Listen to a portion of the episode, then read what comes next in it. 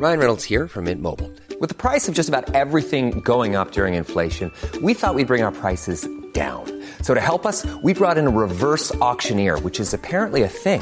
Mint Mobile unlimited premium wireless. Ready to get 30, 30, bit to get 30, bit to get 20, 20, 20, bit to get 20, 20, bit to get 15, 15, 15, 15 just 15 bucks a month. So, Give it a try at mintmobile.com slash switch. $45 upfront for three months plus taxes and fees. Promo for new customers for limited time. Unlimited more than 40 gigabytes per month. Slows. Full terms at mintmobile.com.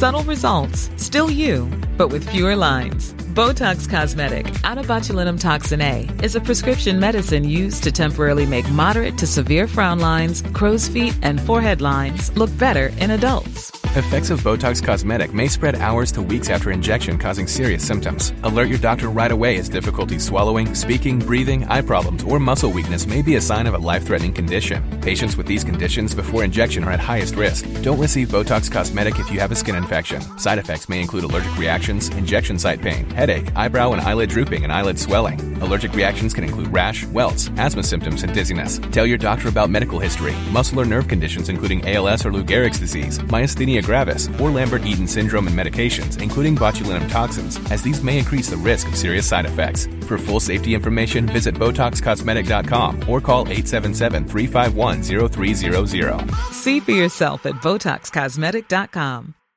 Millions of people have lost weight with personalized plans from Noom, like Evan, who can't stand salads and still lost 50 pounds. Salads, generally, for most people, are the easy button, right? For me, that wasn't an option. I never really was a salad guy. That's just not who I am. But Noom worked for me. Get your personalized plan today at Noom.com. Real Noom user compensated to provide their story. In four weeks, the typical Noom user can expect to lose one to two pounds per week. Individual results may vary.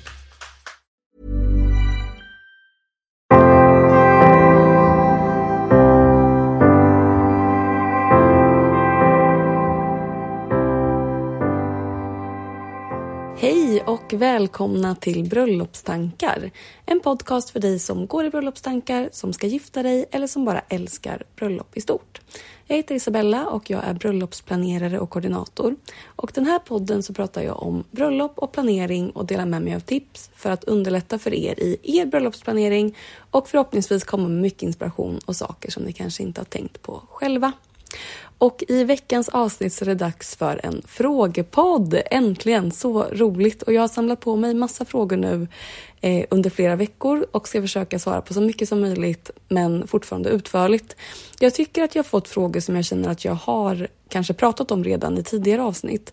Men ibland så kanske man tror att man har varit tydlig men man behöver säga det igen eller på något annat sätt. Eh, men jag kanske också kommer referera tillbaka till lite tidigare avsnitt. Jag ska i alla fall göra mitt bästa så att nu eh, kör vi igång. Hur långt innan är det rimligt att kontakta leverantörer? Allt ifrån fotograf, liveband, florist och så vidare. Och nu kommer det på en gång här. Jag har gjort ett helt avsnitt om vilken ordning jag tycker att man ska boka leverantörer i. Och det är delvis baserat på hur långt innan jag tycker att man ska boka. Och allt beror ju lite på. Om man till exempel har en favoritfotograf eller en favoritflorist som man verkligen, verkligen vill jobba med. Då skadar det ju inte att skicka ut en förfrågan på en gång så snart ni har ert datum egentligen. Och om de då inte redan har öppnat upp för bokningar än så kommer de ju höra av sig till er så snart de har gjort det och då kan ni knipa er plats direkt. Så att det är ju jättetråkigt om ni jättegärna vill jobba med en speciell leverantör och att de inte kan bara för att ni väntade med att fråga. Och speciellt sådana leverantörer tänker jag som bara kan ha ett bröllop per dag som bokas upp snabbare. Så att speciellt detta år så skulle jag säga, så gifter du dig 2023 så är det absolut inte för tidigt att börja kontakta leverantörer redan nu. Och sen så vet jag att vissa ställen när det kommer till lokaler eller catering och så kan vara lite sega med att öppna upp sina bokningar beroende på vart i landet man befinner sig och så. Men att boka upp vissa leverantörer som till exempel fotograf från och med 18 månader innan tycker jag inte alls är konstigt. Men de flesta leverantörer skulle jag säga någonstans mellan 12 till 9 månader innan bröllopet i bästa fall.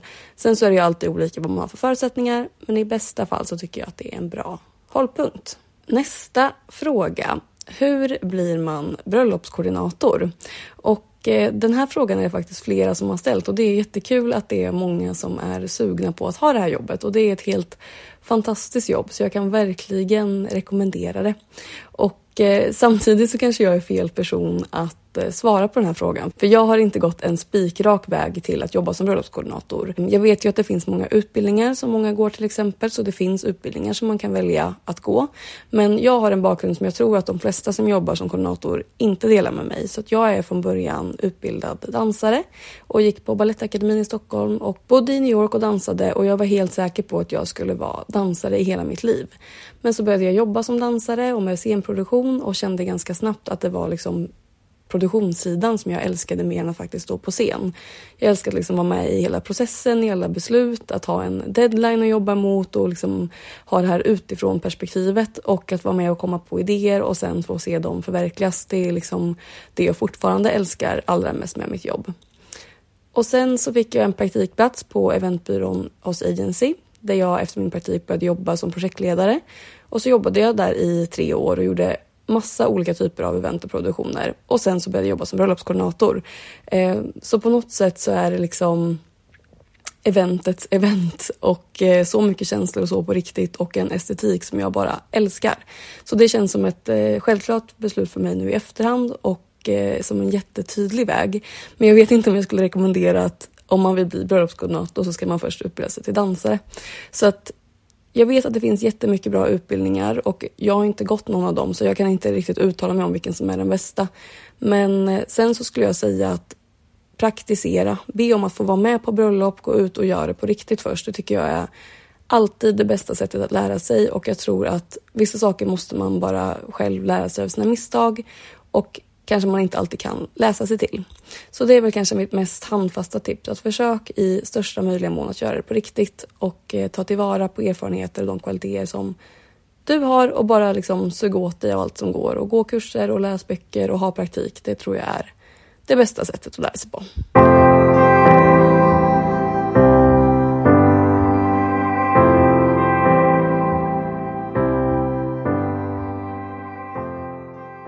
Och så tar vi nästa fråga. Hej, jag behöver verkligen råd. Jag och min sambo skickade ut Save the Date ett år innan vårt bröllop och nu känner vi att det är ett par gäster som vi inte längre har kontakt med. Det känns konstigt att de är bjudna. Vad ska vi göra? Ja, alltså det här är ju sån klassiker på något sätt. Och jag tror att det här är så vanligt, speciellt för alla som kanske har ställt in bröllopet nu i flera omgångar och kanske skickat ut första sidedejt inför 2020 och nu ska gifta sig två år senare så kan såklart jättemycket hända. Och nu vet inte jag om det är så att det är någonting som har hänt mellan er eller om ni bara har glidit ifrån varandra så att det känns konstigt. Och ibland när jag går igenom gästlistan med mina brudpar och de är osäkra på personer som de vill bjuda eh, då har jag sagt att okej, okay, det här är er totala budget som vi har gått igenom. Så här många gäster är ni. Om vi slår ut vad kostnaden blir per person. Vill du bjuda den här personen på en fest för 10 000 kronor eller 5 000 kronor eller 3 000 eller vad det nu blir för er? Och då brukar det faktiskt vara ganska enkelt att känna nej, jag tycker inte att den här personen är värd det för mig. Och det kanske låter jättehårt och jag säger inte heller att ni kommer liksom spara de pengarna bara för att man tar bort den personen. För att alla kostnader krymper ju såklart inte för att man krymper gästlistan. Men en del kostnader gör ju faktiskt det. Och de pengarna kanske man hellre vill lägga på gäster som man faktiskt vill ha på plats och ge dem en ännu bättre upplevelse. Så att om ni har bestämt er för att ni vill kapa gästlistan och det är personer som ni har bestämt att nej, det känns inte rätt längre. Då skulle jag kontakta dem och berätta att vi har tänkt om lite nu med bröllopet och vi har bestämt oss för att vi ska ha ett mer intimt bröllop med färre gäster och bara ha med våra allra närmaste. Och de här personerna förhoppningsvis känner kanske också att ni inte ses längre och kanske inte ens hade kommit om de blev bjudna. Så det kan ju också vara en annan strategi att om ni tror att de kanske inte kommer, att faktiskt låta dem osa nej tack om ni känner att det är en bättre lösning för er. Men jag tror att säga någonting är den bästa lösningen och förhoppningsvis så förstår de och inte tycker att det är så konstigt och så länge man säger det på ett snällt och fint sätt så tror jag att det kommer gå bra. Och vi tar nästa fråga. Så vad är av din erfarenhet bäst utsläppt eller uppsatt hår? Och jag tror att jag touchade lite på det här i förra veckans avsnitt, men jag tycker ju att det viktigaste det är att det ska vara en frisyr som du orkar ha hela dagen. Om du är en person som aldrig vill ha utsläppt hår i mer än någon timme och helt plötsligt ska ha utsläppt en hel bröllopsdag så kanske det blir jättejobbigt. Eller om du är en person som får ont i huvudet av att ha uppsatt hår längre så kanske det passar dig bättre att ha utsläppt hår. Så att tänk på att det ska hålla sig fint länge, det ska se bra ut hela dagen. Så prova i förväg. Då kommer du känna ifall det känns rätt för dig att ha utsläppt eller uppsatt. Och sen så är det ju en personlig smak i vad man tycker att man är finast i och vad man vill ha. Och sen så finns ju halvuppsättningar också ifall man får svara något typ av mellanting. Men ta det som du känner dig finast i och det som du orkar ha en hel dag.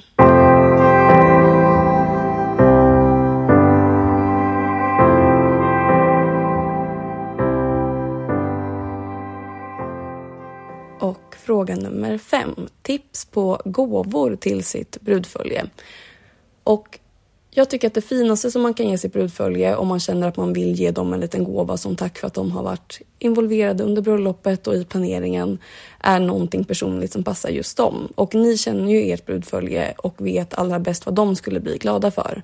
Så kanske det är ett armband med någonting ingraverat som de kan ha som minne och liksom bli glada varje gång de ser. Eller ifall de har varit jätteinvolverade i planeringen och är helt slutkörda så kanske det är en någon sparupplevelse eller en massage eller någonting annat som kan vara mer liksom avslappnande som du tror att de skulle uppskatta. Men det beror helt på tycker jag. Men någonting ett minne som man kan ha kvar är ju alltid lite extra roligt. Och nästa fråga går kanske lite hand i hand med den frågan innan och det är har du några roliga tips på hur man kan fråga sitt brudfölje om de vill vara tärna till exempel?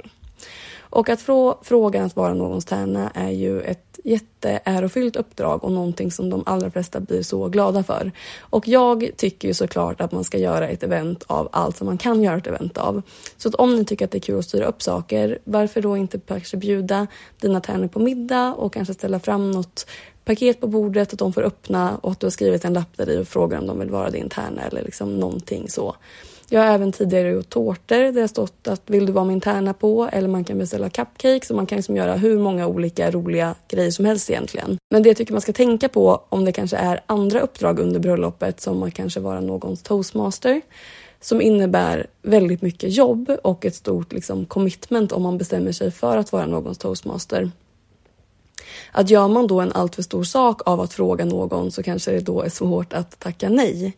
Så att där tycker jag att det kan vara bättre om ni inte känner er helt 100% säkra på att de kommer säga ja direkt. Till exempel om de har liksom mycket på jobbet eller själva ska gifta sig eller andra saker som det kan vara. Att ni frågar först och ger dem möjligheten att fundera och säga att ja, jag känner mig beredd att lägga den tiden som krävs och kanske prata igenom lite vad ni har förväntningar att det skulle innebära och så. Och när de i så fall har sagt ja så kanske man kan bjuda in till en middag som ett tack och börja planera. Och då kanske man kan ge någon present eller vad det nu kan vara. Men även här så känner ju ni era vänner bäst och vet hur de skulle reagera.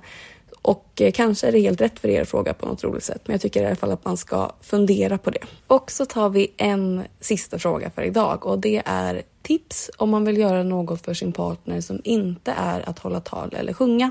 Och jag tänker att du säger inte hålla tal eller sjunga för att du själv kanske tycker att det är lite jobbigt att stå i centrum på det sättet. Det kanske inte alls är rätt tolkat av mig nu, men det är så jag förstår det. Och om det nu är det som är fallet så skulle du till exempel kunna skriva ett brev till din partner som den får på morgonen och kan läsa när den gör sig i ordning och du kan säga att Skri, kanske skriva ner anledningar till varför du vill leva ditt liv med din partner eller kanske till och med att du själv läser upp brevet ensamma, till exempel vid en first look. Det behöver ju inte vara att allting ska ske under middagen när alla är med och tittar utan det kan ju vara i en mer intim stund också. Och om ni inte ska ha en first look så skulle det även kanske kunna vara efter vigseln när ni, om ni åker i någon bil eller liksom någon annan typ av transport, bara ni två, att man kan ta den stunden och läsa upp någonting. Annars under middagen så kan man ju spela upp en kort film till exempel. Det man ska tänka på då det är att när man sitter med alla gäster och kollar så kan det kännas ganska lång tid. Så försök i så fall att hålla den ganska kort i, jag skulle säga runt en minut. Även ifall andra tal brukar vara runt två minuter så filmer kan ibland kännas lite längre så håll den ganska kort i så fall. Eller så vet jag flera som har tillägnat en låt åt sin partner men att kanske en annan gäst sjunger låten som en överraskning. Så det måste inte heller vara att det är du som ska sjunga eller hålla tal. Och då kan det räcka med att du säger att du vet ju att jag tycker att det är jobbigt att hålla tal och jag vill ändå på något sätt uttrycka min kärlek till dig. Så därför har jag tagit hjälp av min vän som ska sjunga ja, den här låten för oss som betyder jättemycket för oss. Och det kan ju vara den, eh, vår låt eller låten vi hörde på första dejt eller någon låt som betyder mycket för er. Så skulle det kunna vara till exempel. Och jag tror att vi pausar där för idag. Eh, det kanske kommer fler avsnitt längre fram med frågor för jag tycker att det är så kul att svara på era frågor. Och jag hoppas att ni fick med någonting från veckans avsnitt och eh, fortsätt gärna skicka frågor till mig. Jag tycker som sagt att det är jättekul. Och det gör ni enklast på Instagram och där heter jag Isabellas event. Tack så jättemycket för att ni har lyssnat på mig ännu en vecka. Hej då!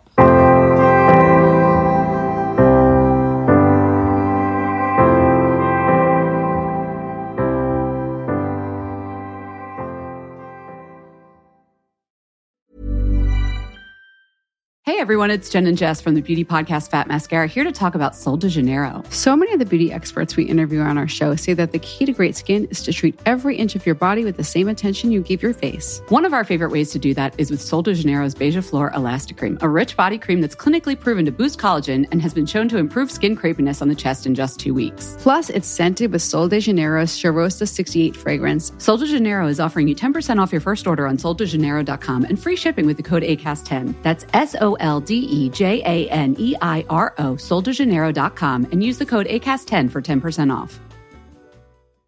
Subtle results, still you, but with fewer lines. Botox Cosmetic, out of botulinum toxin A, is a prescription medicine used to temporarily make moderate to severe frown lines, crow's feet, and forehead lines look better in adults. Effects of Botox Cosmetic may spread hours to weeks after injection, causing serious symptoms. Alert your doctor right away as difficulty swallowing, speaking, breathing, eye problems, or muscle weakness may be a sign of a life threatening condition. Patients with these conditions before injection are at highest risk. Don't receive Botox Cosmetic if you have a skin infection. Side effects may include allergic reactions, injection site pain, headache, eyebrow and eyelid drooping, and eyelid swelling. Allergic reactions can include rash, welts, asthma symptoms, and dizziness. Tell your doctor about medical history, muscle or nerve conditions including ALS or Lou Gehrig's disease, myasthenia gravis, or Lambert-Eaton syndrome and medications, including botulinum toxins, as these may increase the risk of serious side effects. For full safety information, visit BotoxCosmetic.com or call 877-351-0300. See for yourself at BotoxCosmetic.com.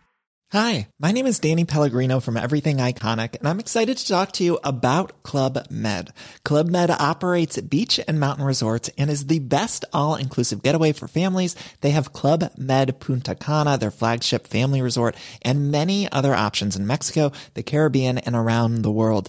Club Med are the pioneers of the all-inclusive concept, which is the best way to vacation. Great for families, groups, or even solo travelers looking for land and water sports, delicious food, and a place to make unforgettable memories. Visit clubmed.us, call 1-800-CLUB-MED, or your travel advisor.